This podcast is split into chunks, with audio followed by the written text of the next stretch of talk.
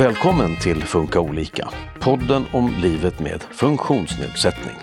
I det här programmet tar vi reda på hur det är att bli äldre med rörelsenedsättning. Hur påverkas kroppen och vad kan man göra för att minska risken för smärta och annan problematik? Jag heter Susanne Smedberg och tillsammans med mig i studion idag är Niklas Nordqvist. Hej Niklas! Eh, hej Susanne! Du är 53 år och Ja. eh, personlig tränare och har själv cerebral pares. Stämmer, stämmer. Välkommen också Maria Hermelin. Tack så mycket. Du är fysioterapeut och möter framförallt personer med ryggmärgsskada och MS i ditt arbete. Stämmer bra det. Idag ska vi prata om hur det är att åldras eh, med rörelsenedsättning. Eh, kan man säga något generellt om hur den här gruppen mår? Ja, alltså åldrandet med, med, med funktionshinder innebär ju oftast att de som, symptomen som kommer med den så, den så kallade diagnosen eh, blir värre och värre ju äldre man blir. Om man, om man, tar, om man tar min diagnos som CP-skada så är CP-skadan i sig är ju inte progressiv. Men däremot så är, symptomen progressiva. På så sätt att man blir, man blir stelare, man blir stramare, man kanske blir mer spastisk. Så, att, eh, och också att eh, vårt åldrande kommer tidigare än, eh, än för de som inte har någon eh, fu- funktionsnedsättning. Då. Eh, av de du träffar då, Maria, hur skulle du säga att åldrandet påverkar de personerna? Alltså vi drabbas ju av åldrandet alla oavsett om man har en funktionsnedsättning eller inte. Men jag skulle vilja säga, har man en medfödd skada eller förvärvad skada eller sjukdom så lever man med mindre marginaler. Man är mer känsliga för de förändringar som hä- händer och sker i samband med åldrande. Så man är mer sårbar. Och vad händer eh, med kroppen då vid rörelsenedsättning eh, när man blir äldre? Ja, alltså man får ju... Det framförallt som är påtagligt är att, att muskelmassan minskar. Och det beror ju naturligtvis också på vilken livsstil och levnadsvanor man har. Men, men, och det accelererar mycket från 50 till 60 års ålder. Fram till dess har det, blir det successiv försämring, men det blir lite brantare försämring. Beroende på naturligtvis livsstil. Är man aktiv så kan man ju bromsa den där. Och det för ju med sig att det blir ökad belastning på leder och så vidare som kan leda till smärtbesvär. Och så blir det som en ond cirkel. Man rör sig ändå mindre och blir mer inaktiv. Går upp i vikt. Det blir en nedåtgående spiral om man inte häver den. Hur skiljer det sig åt mellan olika rörelsenedsättningar då? Kan man säga någonting, eh, alltså jag tänker, eh, ni var inne på det här med muskler och så vidare. Om man har ryggmärgsbråck eller ryggmärgsskada till exempel. eh, Alltså vid, vid ryggmärgsskada, beroende på var, var, vilken nivå man är skadad på, så har man ju mer eller mindre kvarstående muskelfunktion. Och ryggmärgen kan gå helt av. Då har man ingen kvarvarande funktion nedanför skadan. Sen kan man få en inkomplett skada. Då har man vissa kvarvarande funktioner. En del som man kanske inte kan utnyttja funktionellt. Men, men säg att man är högt skadad i nacken. Då har man ju bara armar och händer och liksom, som ska sköta allting i vardagen. Så det blir otrolig belastning på axlarna till exempel. Och där har man, ser man ju att, att det på sikt nu, nu blir de med ryggmärgsskadade äldre och äldre. Förut så levde man inte så länge för man fick komplikationer. Nu kan man se det här att många får den i kombination med att man får sämre hållning, man blir svagare och så vidare. Och en överbelastning av de funktioner man har. Och vid eh, cerebral pares då, vad kan det bli för eh, kroppsliga förändringar? Det, be- det beror lite på återigen om du är gående eller om du är sittande. Vilken form av cerebral pares du har. Vilken grad av cerebral pares du har. Om, om du är gående så kommer oftast problemen i, i allt ifrån fötter, knän, höfter, rygg, axlar, nacke.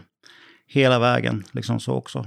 Hur har det varit för dig då, Niklas? Jag föddes ju med en ganska lindrig form av spastisk diplegi. Då, så att jag, jag har ändå klarat mig ganska bra sådär. Men om man nu tittar tillbaks eh, och tittar på hur man har använt sin kropp genom åren. Jag, menar, jag har varit aktiv, jag har spelat tennis eh, för icke funktionshindrade. Jag har spelat bordtennis för icke funktionshindrade. Så att jag, jag, jag, jag har varit väldigt, väldigt aktiv.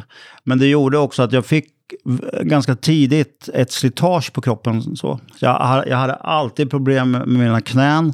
Jag hade alltid problem med mina ljumskar.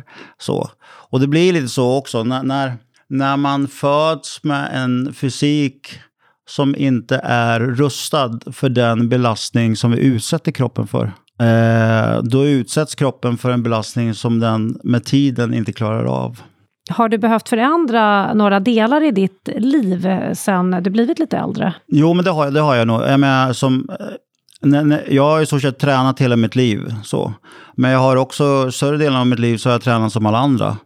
Men i takt med att symptomen blev värre och värre så, så var jag tvungen att, och börja titta på mer och mer individanpassad träning. Liksom så också. Eh, Maria, försämras andra funktioner än rent eh, liksom, fysiska, kroppsliga förmågor när man har en rörelsenedsättning? Det mest påtagliga är väl de fysiska, men, men man får ju liksom alla andra problem med syn och hörsel och eh, man blir långsammare i rörelser, man blir kanske långsammare i, i processing i hjärnan och så vidare. Så på så vis eh, kan man ju så. Sen kan jag säga att ehm, eh, näringsupptaget i tarmar försämras med ökad ålder också. Så att man ehm, behöver vara ändå mer noggrann med vad man stoppar i sig för att få i sig tillräckligt med näring och energi. Och personer, om man nu har någon rörelsenedsättning och sitter mycket stilla, så har man ju, och inte så mycket muskelmassa, så har man ju gör man ju inte av med så mycket energi och då får man vara jättenoga med att, att det är näringsrik och bra kost det man får i sig som gör att man får energi. Är det några sjukdomar som är vanligare hos äldre med någon form av nedsatt rörelseförmåga? Jag skulle vilja säga i så fall att det, det, är relaterat till livsstilen mycket. Man har ju en grundsjukdom eller skada, men, men om man ser till vilken livsstil personen har så sitter man mycket stilla och inaktiv så har man en ökad risk för metabola sjukdomar som hjärt-kärlsjukdomar, vissa former av cancer, diabetes och så vidare. Man har lättare att gå upp i vikt, som är negativt. Eh, men sen är det också, alltså inte direkt sjukdomar då, men, men andra symptom och besvär som man har lättare att dra på sig, till exempel som ryggmärgsskadad och även säkert andra diagnoser som man lättare att dra på sig luftvägsinfektioner, till exempel på grund av en dålig lungkapacitet. Man har lättare att dra på sig eh, urinvägsinfektioner, njurarna fungerar sämre. Man har sämre Alltså, man blir ju stelare i hjärtat med ökad ålder och får sämre förmåga då att pumpa ut blod. Och cirkulationen försämras och då kan man få besvär med svullnad i underben, fötter. Eh, ökad risk för sår. Får man sår så är det svårare att man får dem att läka. Så det är många sådana faktorer som, som eh, blir extra påtagliga och som man kan få besvär med, som kan ställa till det ytterligare. Det psykiska måendet, då, vet man någonting om det? Vänder jag mig till er båda här nu. Jag kan börja bara där lite mm. grann. Och då, nu relaterar jag till den här senaste perioden med pandemi. För jag ser ju tydligt att den målgrupp vi jobbar med, den är ju de, de har ju tillhört riskgruppen. Så de har ju ändå mer isolerat sig än vi andra för att inte bli drabbade.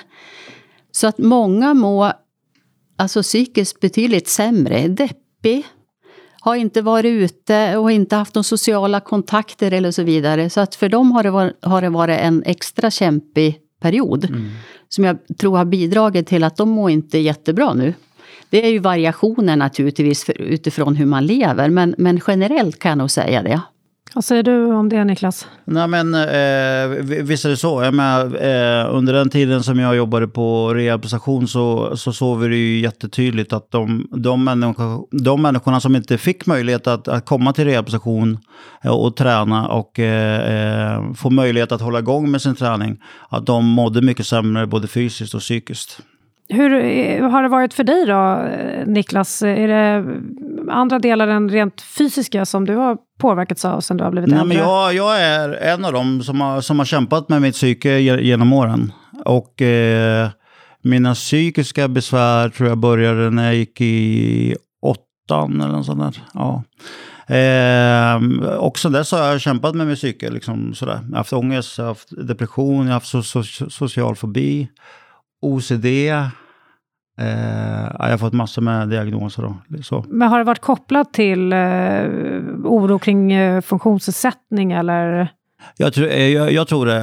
Eh, men sen tror jag också att det är så här att om du, om du belastar kroppen på ett felaktigt sätt i stort sett hela ditt liv så kommer du förr eller senare köra slut på kroppen.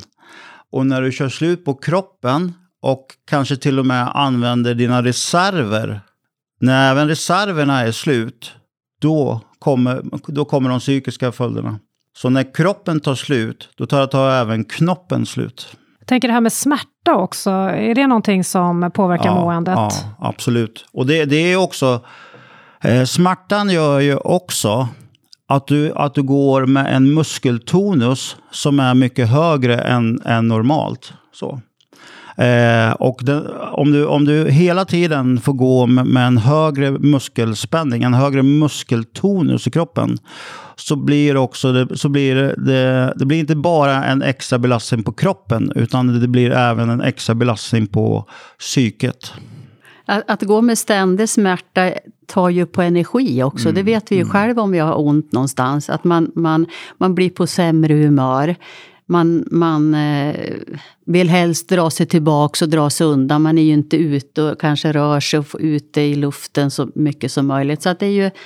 Det, det är, eh, smärta är inte positivt om man säger nej, så. Nej.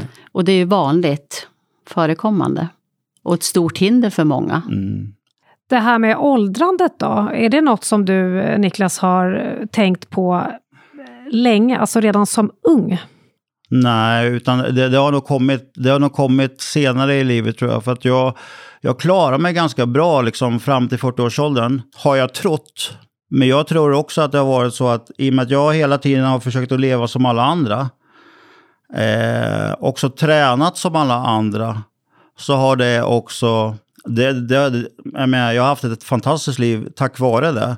Men jag tror också att i och med att jag inte har anpassat mitt liv speciellt mycket så har jag också belastat kroppen mycket, mycket mer än vad jag har varit medveten om. Så att, eh, men den, medveten, den medvetenheten har ju kommit på, på eh, under senare tid. När, när symptomen kommer, då börjar man förstå att ja, det här är nog resultatet av att jag har levt på det här sättet. Jag tänkte det, eh, hur allvarligt är det att kroppen åldras fortare? Vad säger du Maria?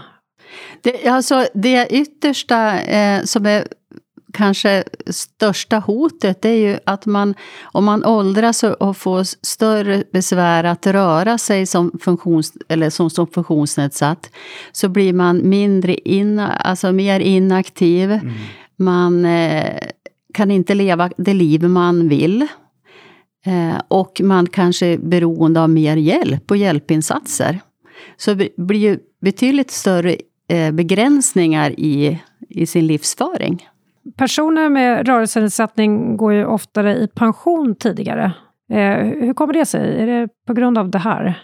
Jag, jag tänker det beror på också om vad man har för typ av arbete, hur en arbetssituation ser ut. Kan man jobba hemifrån eller är arbetsplatsen anpassad utifrån sina förutsättningar? Och så vidare. Eh, har man möjlighet att gå ner i tid? Det finns ju många faktorer där som bidrar. Nej, men jag, jag är en av dem som, som nu är sjukskriven, eller sjukpensionär som man för, eh, tidigare sa då, på halvtid. Och jag, jag, jag kämpade för att gå ner i tid för att jag vill fortsätta jobba. För att jag vill fortsätta att bidra med min kunskap och erfarenhet. Men jag vill göra det på en nivå där jag känner att jag kan lägga 100% energi på mina klienter, patienter, deltagare. Men, men att jag också, när jag är klar med, med, med, med jobbet för dagen, även har energi för resten av dagen. Det, det, handlar ju om att få ihop livspusslet med arbete och fritid och familj och så vidare. Eh, och ha energi och ork så att man mår bra helt ja, enkelt. Man får ja. livskvalitet. Eh, och då, då, måste man ju ställa sig frågan, vad, vad, vad är viktigt för mig? Mm. Vad måste jag mm. prioritera för att må bra? Vad är viktigt eh, för att må bra och bibehålla sin ork, förutom att kanske gå ner i arbetstid då? Jag vill ju framhäva det här med träning, att få till det är ju en faktor.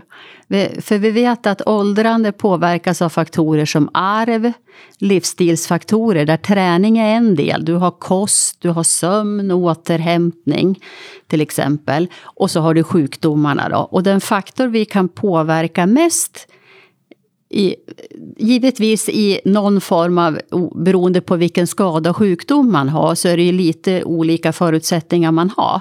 Men man kan ändå göra någon förändring som kan leda till att man mår bättre. Och träning, det, det bromsar, det har man sett, man bromsar ju de här åldersrelaterade effekterna med minskad muskelmassa och så vidare.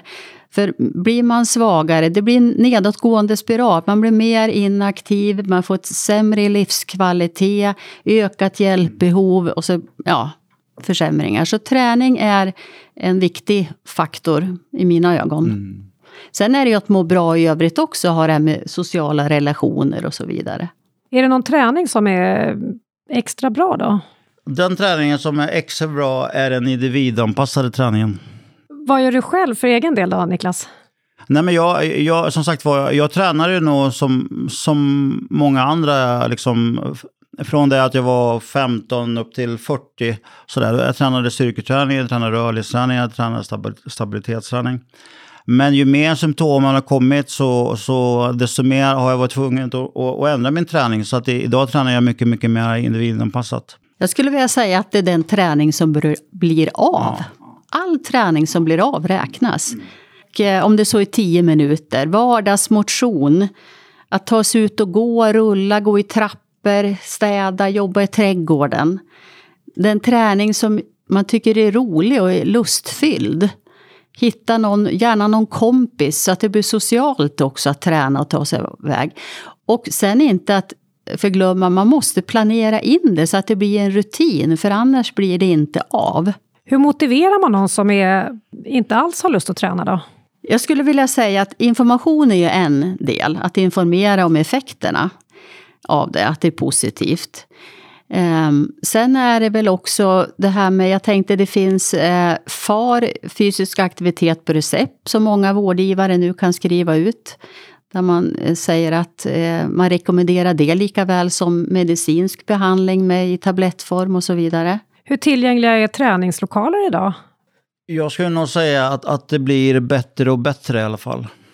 Om man, om man tittar på de, de stora träningskedjorna som, som, eh, som SAST och Nordic Wellness och, och de här. Då, jag tycker ändå att det blir bättre och bättre och, eh, och mer och mer anpassat. Eh, jag skulle säga att det varierar nog, men det finns absolut ställen där man kan eh, träna med funktionsnedsättning.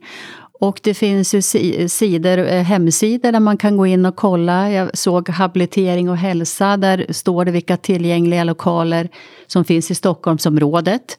Jag vet att Parasportförbundet har, har eh, utarbetat en app som heter Parami där man kan gå in och också kolla tillgänglighet på alla sätt.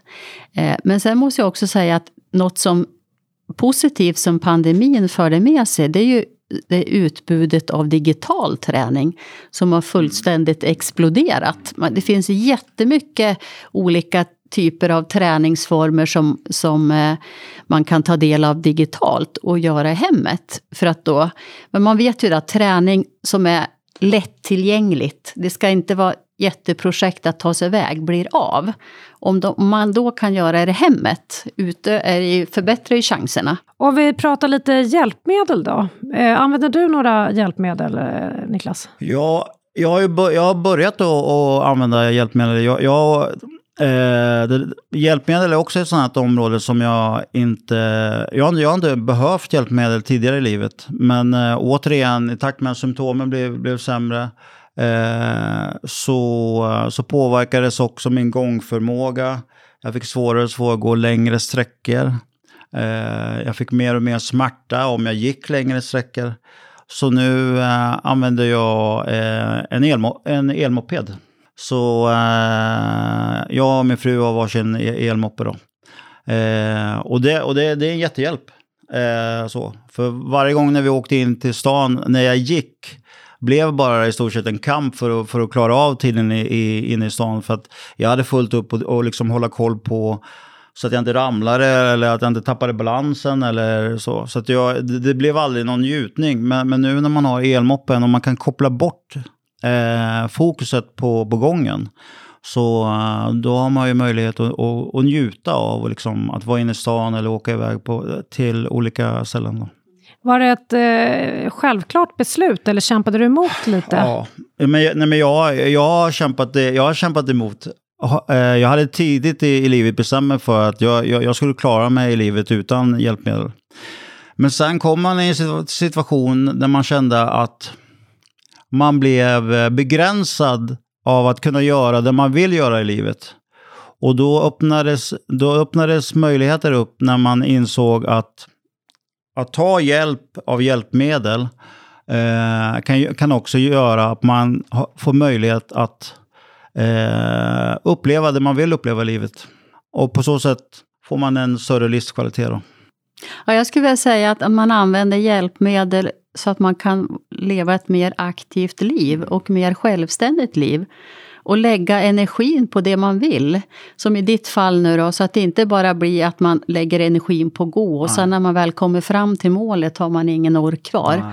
Men sen också att det ena behöver ju inte utesluta nej, det andra. Nej, en del nej. vill gå till varje pris. Ja, och så till, går man nästan till bristningsgränsen ja, ja. som man får besvär med överbelastning i leder och smärta mm, och så mm. vidare. Mm. Istället för att ta till ett hjälpmedel som är rullstol. Och så tar man rullstolen ibland och går ibland. Mm. Det behöver inte utesluta varann. Hur hittar man en bra balans där mellan att röra sig eh, självständigt så att, så att säga, eller att, uh, ta elmoppen eller rullstolen? Ju, ju, tidigare man kan komma till insikt med att, att ett hjälpmedel kan vara ett komplement i sin funktionella vardag och, och också att ett, ett hjälpmedel kan faktiskt underlätta för dig i din funktionella vardag eh, och din förmåga att kunna göra det du vill göra. Tänker du att du eh, hade eh, kunnat ta hjälp av hjälpmedel tidigare? Ja, absolut. Absolut. Mycket, mycket tidigare. Och det är lite som Maria säger också, det man, det man önskar när folk lyssnar på, på det här avsnittet är ju också att, att människor som, som, som också har funktionshinder, att de, att de tar hjälp och att de använder hjälpmedel eh, och använder hjälpmedlet som en komplement. Det, det är precis som Maria säger, det, det ena behöver inte utesluta det andra. menar, du kan fortfarande gå om, om, det, om det är det du vill göra. Men just när, när det kommer till längre sträckor eller du, när du kommer i miljöer där, där, det är mycket folk och det är lättare att tappa balansen, jag menar, använd hjälpmedel liksom, för, för att du ska, ska kunna njuta av det, det du vill njuta av i livet. Kan det även leda till att man inte sliter kroppen på samma sätt? Absolut, absolut. Man får ju, det, det är det som händer också, att du, du får en jätteavlastning. Och det, och, och, och det är också någonting som jag skulle vilja säga till alla som, som har funktions, funktionshinder och som är gående.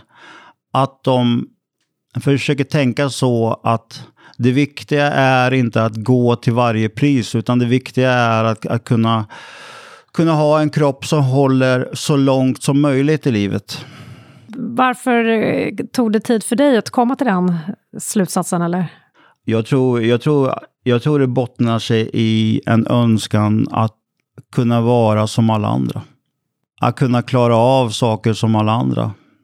Så det där är, det, det där är liksom en, en bro som du måste ta dig över. Och någonstans så måste du landa i liksom, ja men nu när du är 53 år, då, då, då ser ditt liv ut så här. Hur kan du leva ett så gott liv som möjligt utifrån de förutsättningar du har som 53-åring? Är det många som tampas med, med den, de tankarna, tror du? Jag ska inte tala för alla, alla andra, men, men, men eh, en önskan att få vara som alla andra, det tror jag, den tanken tror jag är, kommer hos många. Och kunna leva ett liv som alla, som alla andra. Jag skulle vilja tillägga en grej där. Att, att använda hjälpmedel, som jag sa, att för att vara mer aktiv. det, en farhåga där är om, man skulle, om det gör så att man blir mer passiv, så man inte utnyttjar de resurser man har. Så att man blir mer inaktiv. Att det ska ju vara ett komplement. Det ska vara komplement. Men man ska inte liksom bli mer pacificerad med det Nej, hjälpmedel precis, man får. Precis. Har du blivit det tycker du? Nej. Nej, men det, det, det, tycker jag inte att jag har blivit. I och med att jag, jag är så aktiv. Jag, menar, jag, jag, jag tränar fem dagar i veckan. Jag, menar, jag, jag är aktiv. Så eh, eh, när jag använder eh, min elmoppe så använder jag den som en komplement till gången. Liksom, så också. Men om jag inte skulle träna som, som, som, som jag gjorde, då, eh, då skulle jag nog känna att jag, att jag eh, hade blivit mer passiv. Liksom, så också då. Om vi pratar vård, vilka vårdinstanser kan bli aktuella eh, när man är äldre med rörelsenedsättning? Jag kan, alltså det är ju vanligt förekommande att man får rehabperioder med något slags eh, regelbundenhet någon gång om år, kanske några veckor. Och vilket är jättebra när man får en översyn, man träffar ett helt team och kan ta upp massa med svårigheter och problem och få hjälp. Men, och det är jättebra. Men det är minst lika viktigt det som händer alla andra dagar på året. Att, man, att det inte stannar där, utan man tar tillvara den kunskap man får och fortsätter att försöka leva så hälsosamt som möjligt. Vad gäller både kost och motion och undvika att gå upp i vikt och så vidare. Um, så det är väl, men sen, ja, vad är det? Man, man träffar olika hjälpmedelsutprovningar och så vidare, är ju jättevanligt. Operationer kan ju bli aktuella om man har, får för mycket slitage så att det inte går att åtgärda på, på annat sätt. Hur ser kunskap om att åldras eh, med rörelsenedsättning ut inom vården eller det arbetsområde du har? Det varierar nog eh, utifrån diagnos, men jag kan relatera till eh, det jag jobbar med nu eh, som är ryggmärgsskadade. Och där är det ju nu många som börjar nå en äldre ålder som inte tidigare har överlevt på grund av komplikationer. Så där har man inte direkt erfarenhet vilka problem som, som kommer att komma. Men det man ser då, som jag nämnt tidigare, det är ju överbelastningsproblematik med axlar till exempel. Urinvägsinfektioner förekommer ju fortfarande, men man, man får bukt med dem med mediciner och så vidare. Och smärtproblematiken. Sen är det många som uttrycker den här en, en eh, nedsatt ork. Mm. Mm. Trötthet. Och vad gör man eh, för att motverka det här då? Medicin eh, sa du en sak, träning antar jag?